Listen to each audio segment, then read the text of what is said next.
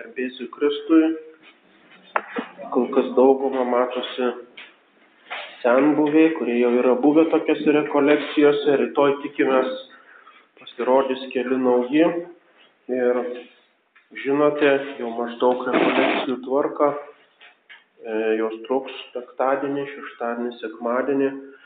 Ir mano paskaitų tema bus tiesiog adventas, išganimo laukimas. Kunigo Šeino paskaitos bus tokios labiau įdomios apie Dantės dieviškąją komediją, tai taip pat apie e, amžinuosius dalykus, dangus, pragaras ir skaistikla. Mes žinome iš išėjimo knygos žodžius, šiandien žinote, kad ateis viešpats ir jūs išgelbės, o rytoj rytą matysite viešpatės šlovę. Rytoj rytą pasirodys viešpatė šlovė ir tuos žodžius bažnyčia gėda kučių. Mišiose mes žinome apie išganimą, jau šiandien žinote, kad ateis viešpas ir jūs išgani, išgelbės ir už kelių dienų pamatysite tą viešpatės šlovę jo gimimo šventę. Ir tie žodžiai galioja gilesnė prasme, mes jau gyvename Naujajame testamente Mes tikrai ir nebejotinai žinome, kad viešpas mus išganė, išgelbėjo, bet dar laukiame galutinio pašlovinimo pasaulio pabaigoje ir tos šlovės dar nematome. Ir todėl mums, e, nors gyvename Naujajame testamente, bet galime visiškai prisiminti tuos Senojo testamento teisiųjų m, tą nuotaiką, tą laukimą, tą jų vilties dorybę, kaip jie su vilties dorybė laukia išganimo. Ta vilties dorybė ir mums yra labai aktuali ir reikalinga. Ir tam susirinkom į Advento rekolekcijas, susikaupimo tokias dienas. E, rekolekcijo, tas žodis latiniškas, reiškia vėl surinkimą, vėl kolekciją, surinkimą to, kas išsibarstė per visus metus, minčių surankiojimo diena. Skiriame šitą laiką prisiminti vieną didžiausių mūsų tikėjimo paslapčių. Pabūti mintimis su ta paslaptimi, stebėti ją dvasios žvilgsniu, tiesiog grožėtis ir taip sustiprinti tą savo vilties darybę, tą laukimą. Toks yra tikslas mūsų rekolekcijų. Jeigu skiriame ją tam tada pasistengime nebarstyti vėl to, ką ruošiame surinkti. Taigi išlaikykim tą rimtį, pasistengime nesikalbėti, išjungime visus e, elektroninius prietaisus, tikrai nieko neatsitiks, jeigu būsime tas kelias dienas nepasiekiami. Didžiadvasiškai pasinaudokime šitą progą ir gausime iš tikrųjų vilties darybę ir gausime visų ypatingų malonių, kurios bus reikalingos mums kiti, kitais metais. Nukreipkime savo mintis į vieną tikėjimo išpažinimo punktą. Tikiu Jėzų Kristų, vienatinį Dievo Sūnų, mūsų viešpatį, kuris prasidėjo iš šventosios dvasios, gimė iš mergelės Marijos. Tai yra kredo vienas iš fundamentalių tikėjimo punktų, arba kaip gėdame Nikėjos Konstantinopolio kredo, mišiose gėdamas kredo, jis, tai yra Kristus, dėl mūsų, mūsų žmonių, dėl mūsų išganimo nužengė iš dangaus ir įsikūnijo per šventąją dvasę iš mergelės Marijos ir tapo žmogumi. Kitais žodžiais išreikšta ta pati esminė įsikūnymo dogma, viena iš fundamentaliausių dogmų.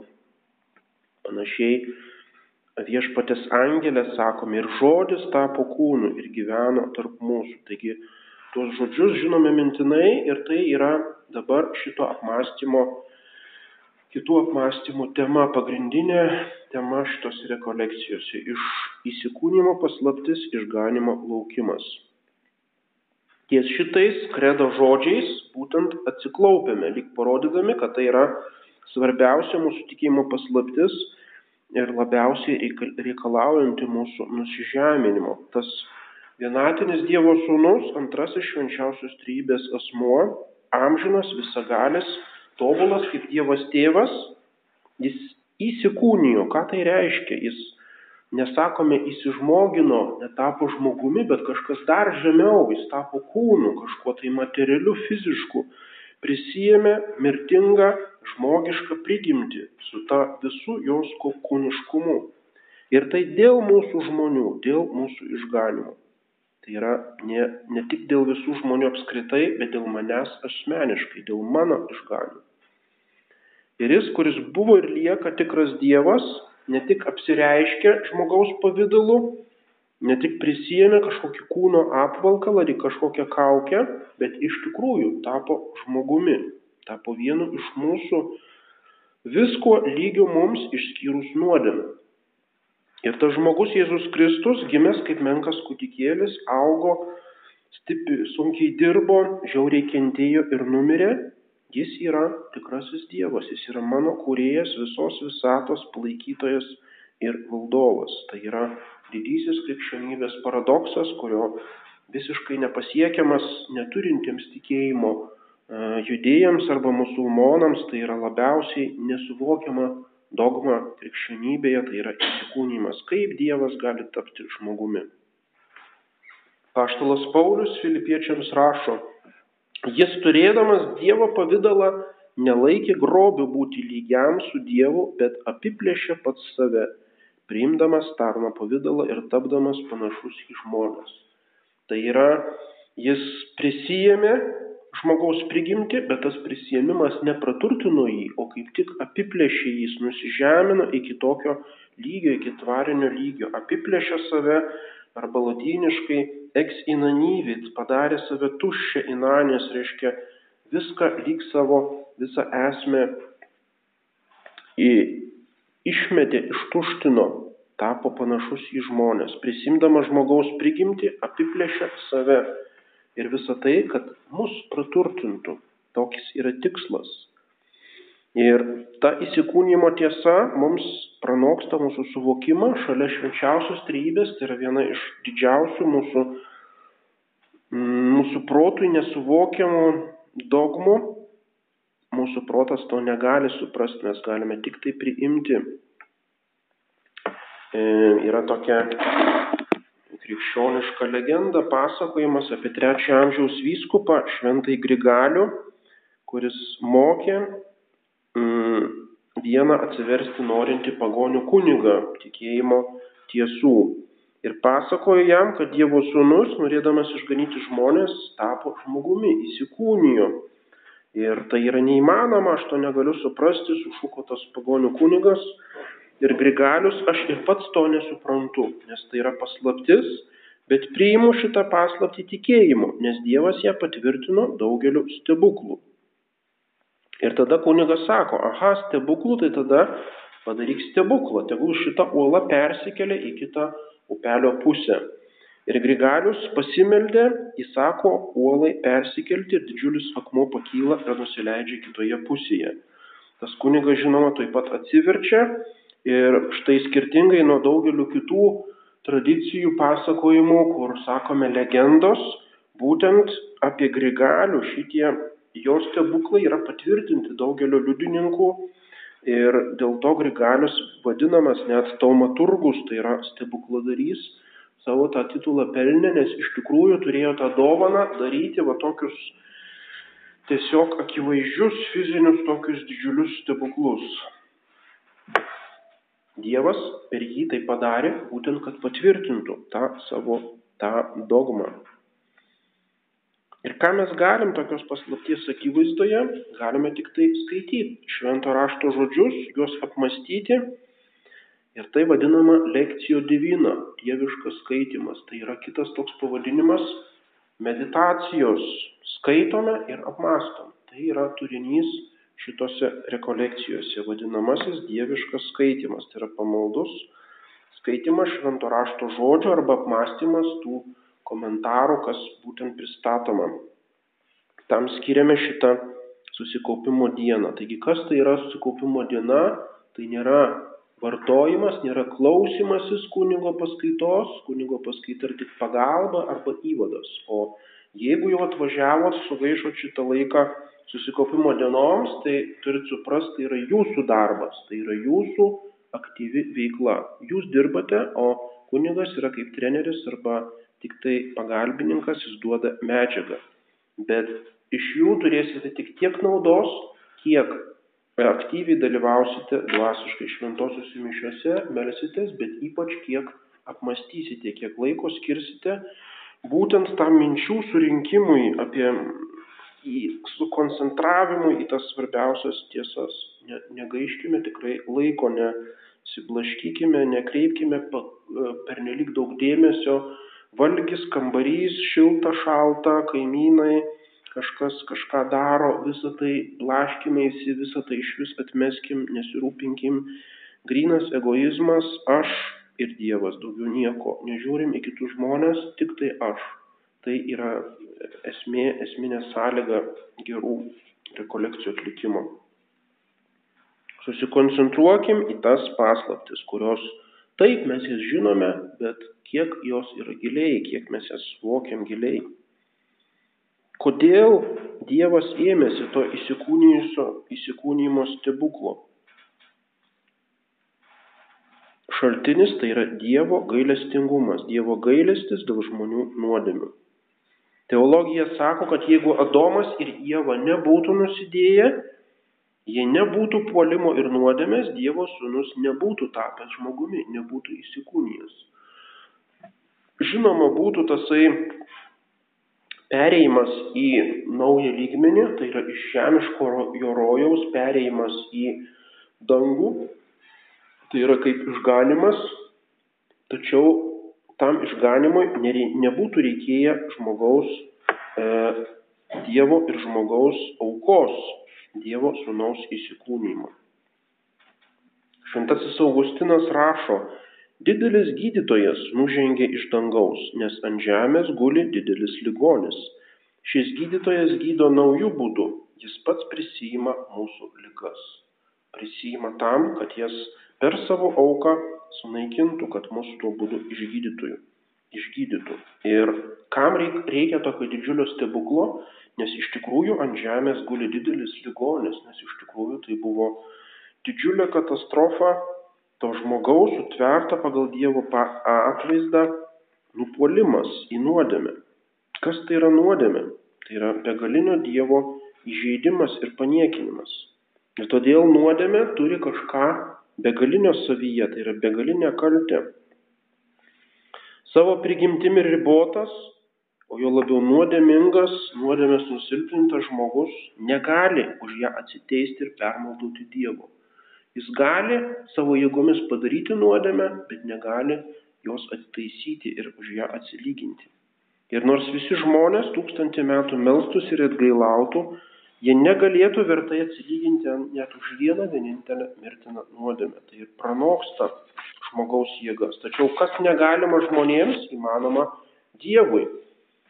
Ir Viena vertus išganimui reikia dieviškos galios, kita vertus atsilyginti turi tikras žmogus Adomo ir Ievos palikuonis. Taigi reikalingi du dalykai tam išganimo darbui. Vienas žmogiškas, kitas dieviškas. Todėl išganytojas turi būti kartu tikras Dievas ir tikras žmogus. Tai yra teologinis pagrindimas, kam buvo reikalingas tasai įsikūnymas. Apaštalas Paulius laiškė žydams cituoja Senąjį testamentą. Todėl įeidamas į pasaulį Dievo sūnus sako, aukos ir, aukos ir atnašos tu nenorėjai, bet paruošė man kūną. Tuomet aš tariau, štai ateinu daryti tavo, o Dieve, valios. Vietoj tų Senojo testamento aukų, kurios tai turėjo tik tiek vertės, kad parodė žmogaus intenciją, e, jo maldavimą atleisti vietoj jaučių, oškų, avių kraujo, duonos kepalų, smilkalų ir kitų atnašų, kurios reiškia tik tai žmogaus intenciją, bet negalėjo išvaduoti iš nuodėmės, dabar Dievas paruošia savo sūnui kūną, leidžia jam gimti iš mergelės Marijos, kad Dievo sūnus tuo kūnu kaip tikras žmogus pasiaukotų. Sūnus sutinka su tėvo valia, štai ateinu daryti tavo, o Dieve, valios. Tai yra jau kaip išpranašauta Senajame testamente. Taigi pirmiausia galim prisiminti tą istorijos, visos išganimo istorijos adventą, tuos ilgus tūkstantmečius, kai žmonija laukia išganytojo, tik miglotai nutokė, kas jisai bus. Ir pagalvokim, kokioje privilegijuotoje padėtyje dabar esam. Tai, kas daugybė žmonijos kartų te buvo svajonė, viltis, mums jau yra tapę realybę Naujajame testamente. Tačiau labai naudinga apmastyti tuos Senojo testamento laikus. Taigi, Adventas yra lyg nedidelis grįžimas į Senąjį testamentą. Tas, e, tuos laikus, e, kada buvo žinomi tik pranašavimai. Vienintelis tikras liudijimas, kad Dievas išganys žmoniją, pranašų žodžiai. Ir kaip atidžiai juos nagrinėjo tie teisėjai, Senojo testamento teisėjai, kaip apie juos mąstė, kaip uoliai ieškojo bent menkiausio ženklo kad išganytojas pasirodys. Iš to galime pasimokinti iš tų Senojo testamento teisiųjų, to laukimo, to atidaus klausimusi tų pranašyščių. Pirmiausia, pradžios knygoje. Aš sukelsiu priešiškumą tarp tavęs, čia Dievas kreipiasi į žaltį ir moters, tarp tavo palikonių ir jos palikonių. Jis kirs tau per galvą, o tu kirsi jam į kulną. Lotiniškame tekste ji kirs tau per galvą, ipsa konterit, jinai sutraiškis galvą žalčiui. Taigi iš karto po žmogaus puolimo Dievas juk buvo įžeistas tos baisios nuodėmės, jis galėjo bent kokiam tūkstančiui metų nusigręžti nuo žmogaus, bet jis iš karto jau žada pergalę prieš velnę, prieš jo puikybę, kurią simbolizuoja žalčio galva iš karto jau duodama viltis išganimo. Ir daug amžių žmonija laukia išganimo, tą laukimą liudyja visų tautų padavimai. Senovės Egipte buvo mitas apie žaltį tifoną, kuris pripildė žemę visokiamis nedorybėmis ir iš moters Izidės gims kūdikis vardu Horas, kuris nugalės tifoną ir gražins žmonėms ramybę. Tai yra tokia kaip tokios, kai kas sako, kad tai yra pirmykštė tradicija, kuri taip kaip atsiminimas iš tų nuopolio laikų, bet tikriausiai tai yra tokios tiesiog išmastymai žmonių, kurie nors buvo pagonis, nors buvo atsidavę tų dievų kultams, tačiau jie nujautė, kad e, juos gali išgelbėti tik tai tikrasis Dievas arba persų mituose išgelbėtojas nugalintis piktai dievą Arimaną, Mitrą e, ir taip toliau. Arba Sokratas seno testam, e, Atenų išminčių savo mokiniui Alkibijadui sakė, Alkibijadai nieko nereikalauk iš dievų. Laukime, kol dangaus pasiuntinys ateis mūsų pamokyti, kaip turime elgtis su dievais ir su žmonėmis pasitikėkime Dievo gerumu, kad toji diena jau netoli. Taigi matom, jau senovės graikai matė, kad ta daugybė jų dievų neturi prasmės, kad yra kažkoks vienas teos, vienas dievas ir laukiame, kad dangaus pasiuntinys ateis mūsų pamokyti, kaip turime elgtis, ką mes žinom, net išmintingiausi filosofai jie nieko nežino, kaip turim elgtis su dievais ir su žmonėmis. Arba žymiausias yra romėnų poetas Virgilijus, kurį paskui cituodavo bažnyčios tėvai, kuris rašė apie stebuklingą kūdikį, gimsinti pasauliui, kuriam šypsosi nekalta motina. Tokie eilės labai simboliškos, labai paslaptingos. Tas kūdikis panaikins geležinį žmonijos amžių ir gražins aukso amžių. Tai tokios silpnos nuojautos, miglotos pranašystės. Ir aiškiai apie išganytojo kalba tik tai Dievo apreiškimas, Senasis testamentas. Tik tai Senojo testamento pranašai ir tie, kas girdėjo tas pranašystės, iš tikrųjų turėjo pagristą Dievo žodžiu, ne vien tik tai žmonių numanimo ar kažkokiamis intuicijomis, bet tikrą pagristą liudymą, kad išganimas ateis. Ir štai Senasis testamentas pasakoja apie Dievo pažadus Abeliui Setui, Nojui. Tačiau žmonės ilgainiui pamiršo Dievą, prarado išganimo viltį, susikūrė daug klaidingų dievų ir stabų, bando patys save išganyti, taip kaip tolimųjų rytų religijose, kurios visos yra tokios savęs išganimo religijos savo jėgomis. Išganimui pirmiausia reikėjo sukurti tam tikrą aplinką, kuri galėtų jį priimti. Tai yra sukurti tautą, kuri garbina tik tai tikrąjį Dievą ir yra švari nuo stabmeldystės. Tai buvo tokia kolektyvinė sąlyga sudaryti, e, e, sudaryti iš vis sąlygas išganytojo ateimui. Ir toks buvo Dievo planas ir taip buvo paruošta ta žydų tauta, išrinktoji tauta ir tai yra vienintelis jos išrinkimo, išrinkimo motyvas, vienintelė priežastis, jie buvo išrinkta ne dėl savęs, kad tik tai jį viena naudotųsi kažkuo tai, bet kad būtų tokia kaip dirba išganimui visos žmonijos. Dievas išvedė tos tautos pirmtaką Abraomą iš stabmeldžių krašto ir davė jam pažadų. Ir pats Jėzus kalba apie jį žydams, Jono Evangelija, 8 skyrius, jūsų tėvas Abraomas džiūgavo, kad matysės manąją dieną. Taigi tas Abraomas, Abramas, kuris vėliau pavadintas Abraomu, kuris nutraukė ryšius su Chaldėjos pagonybė, kuris iškeliavo kaip klajoklis, e, ieškodamas e, laisvės nuo tų Mesopotamijos, tų miestų stabmeldystės, jis jau džiūgavo, kad matysės išganytojo dieną. Taigi jam jau buvo apreikšta, kad iš jo kils ta tauta ir iš tos tautos kils žmonijos išganytojas. Vėliau pažadai duoti Abraomo sūnui Izaokui, Izaoko sūnui Jokūbui, kuriam Dievas davė vardą Izraelis. Jokūbas Izraelis, e, kuris mirdamas laimino savo dvylika sūnų, iš kurių kils dvylika žydų tautos genčių.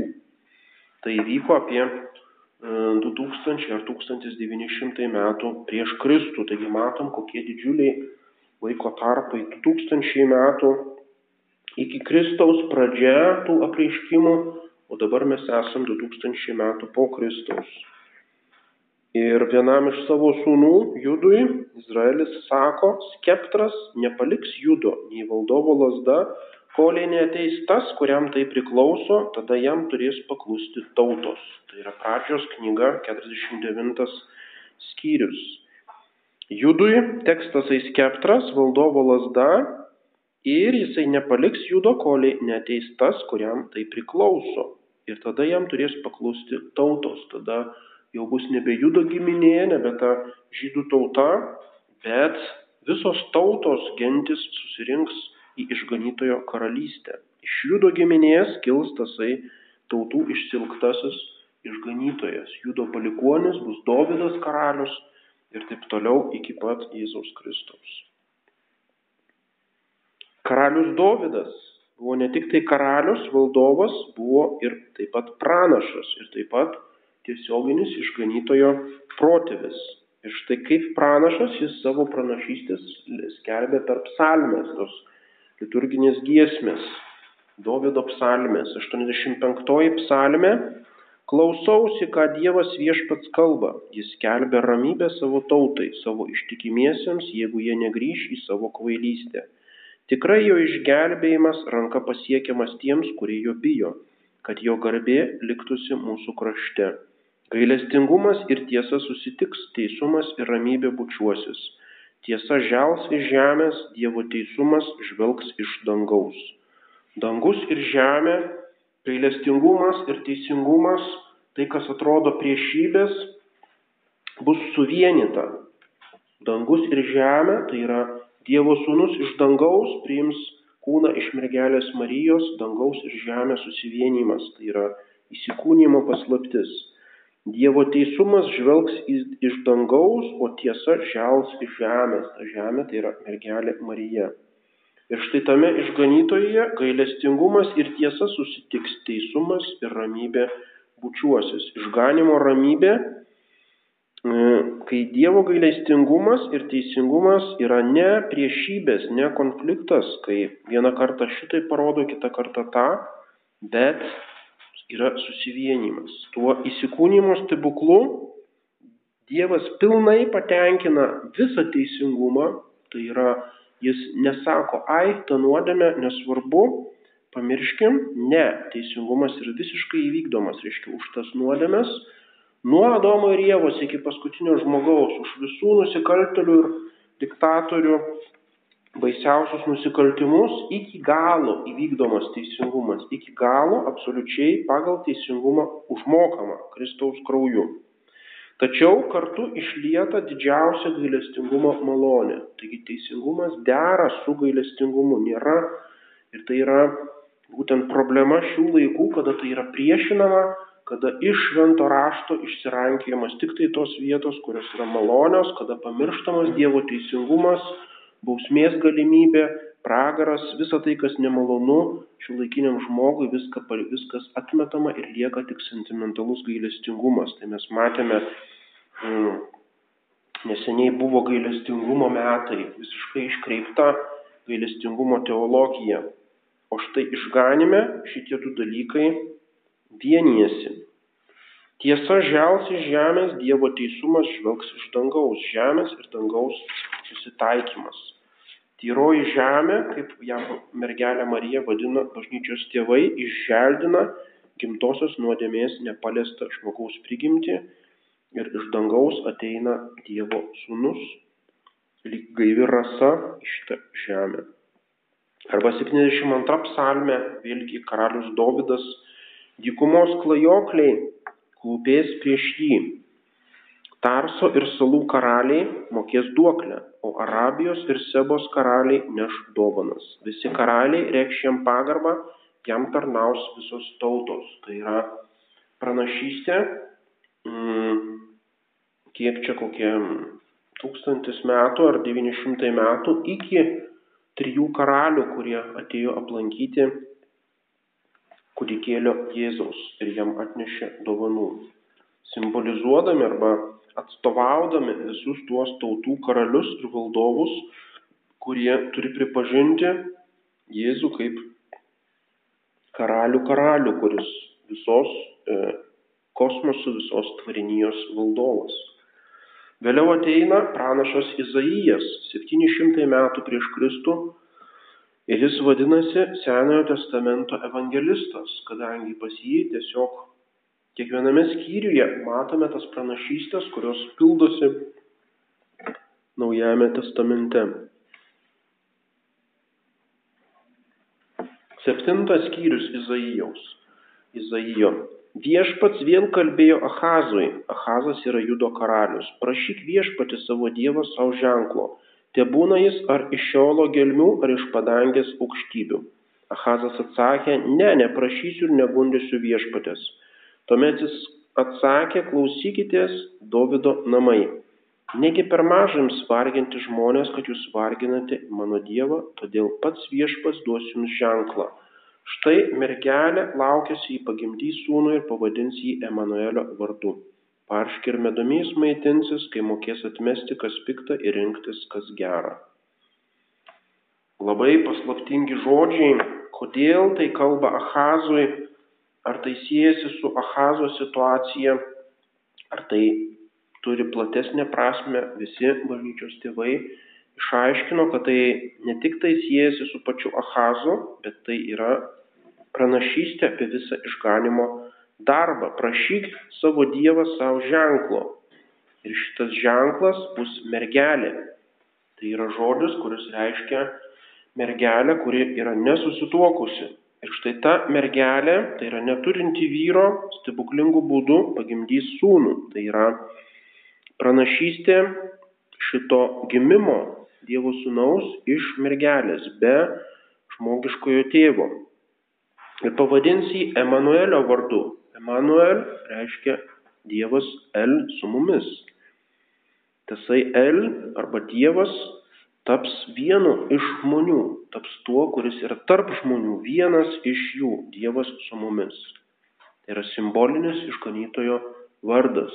Jis ne taip kaip koks įspūdingas Dievas kaip Sename testamente, kuris iš tolimo dangaus kažkaip distanciniu būdu reiškia dabar išganys visus žmonės, nesusitepdamas jais, bet jis taps vienu iš žmonių. Dievas su mumis. Jis nusileis į visą šitą purvą, panirs į šitą pasaulį, kad jį iš vidaus išganytų. Tai bus toks bus išganimo darbas. Sekantis skyrius, Izaijas 8 skyrius. Patyrusiai vargą neliks tamsoje, kaip seniau viešpas buvo pažeminęs Zebulono kraštą ir Naftalio kraštą, taip ilgainiui jis išaukštins pajūrio vieškelį kraštą į vakarus nuo Jordano tautų Galilėje. Tautų arba Gojim reiškia gojų, pagonių Galilėje. Kodėl ta Galilėja, tai yra toks regionas į šiaurę nuo judėjos, kodėl jį vadinta pagonių, nes judėjiečiai, kur sostinė Jeruzalė, jie tokie kaip mm, maždaug kaip Lietuvoje Vilniečiai, o čia provincija reiškia kažkur tai, tai jie irgi niekino tos žydus, nors jie buvo žydai, bet toli nuo Jeruzalės ir tikriausia nesivargindavo taip dažnai atkeliauti į šventyklą, nu tai reiškia jie tokie kaip jau pagonės, nes jie yra pasienyje su Finikijos žemėmis, finikiečių, tomis kananiečių tautomis, kur aišku ten ir maišydavosi, ir vieni pas kitus dirbdavo ir taip toliau, reiškia niekino šitą Galilėją. Ir būtent iš tos provincijos, iš tos paniekintos Galilėjos jau Izaijas pranašauja, būtent